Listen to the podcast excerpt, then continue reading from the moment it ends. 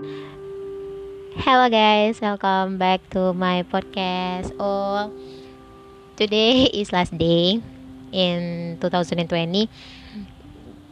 Bener banget, aku udah lama banget hiatus dan hari ini nggak tahu lagi pengen aja nge-record untuk kenang-kenangan sih sebenarnya.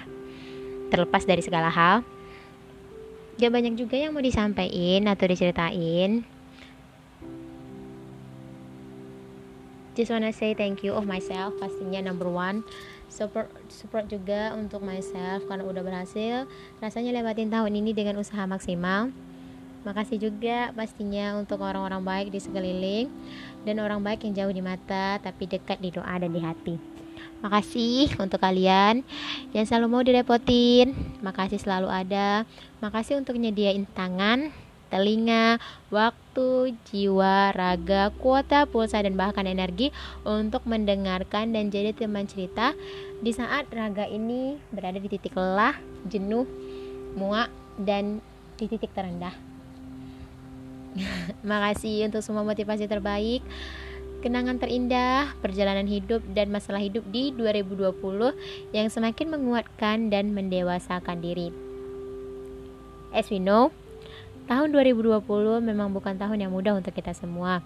Mulai dari kegiatan yang berjalan gak seperti sedia kala, perubahan habit dan kebiasaan, cerita yang seharusnya tak terjadi terjadi, kesalahpahaman, friendzone maybe, persahabatan yang awalnya murni tapi tiba-tiba berubah hanya karena bumbu-bumbu friendzone dan lainnya.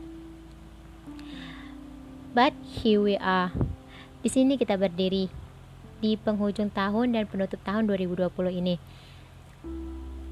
Aku cuma mau bilang kalau kita termasuk orang terpilih yang berhasil melewati tahun yang tidak mudah ini dengan baik walau ya ada banyak kepedihan, kesedihan, air mata, patah hati, keringat dan duka di dalam patch ini.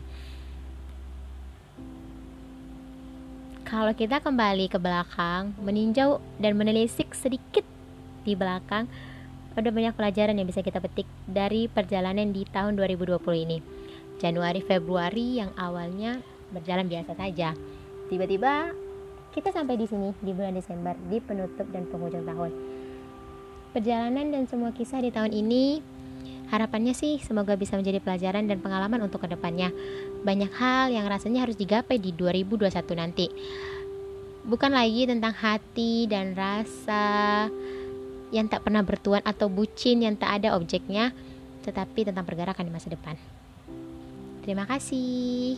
See you.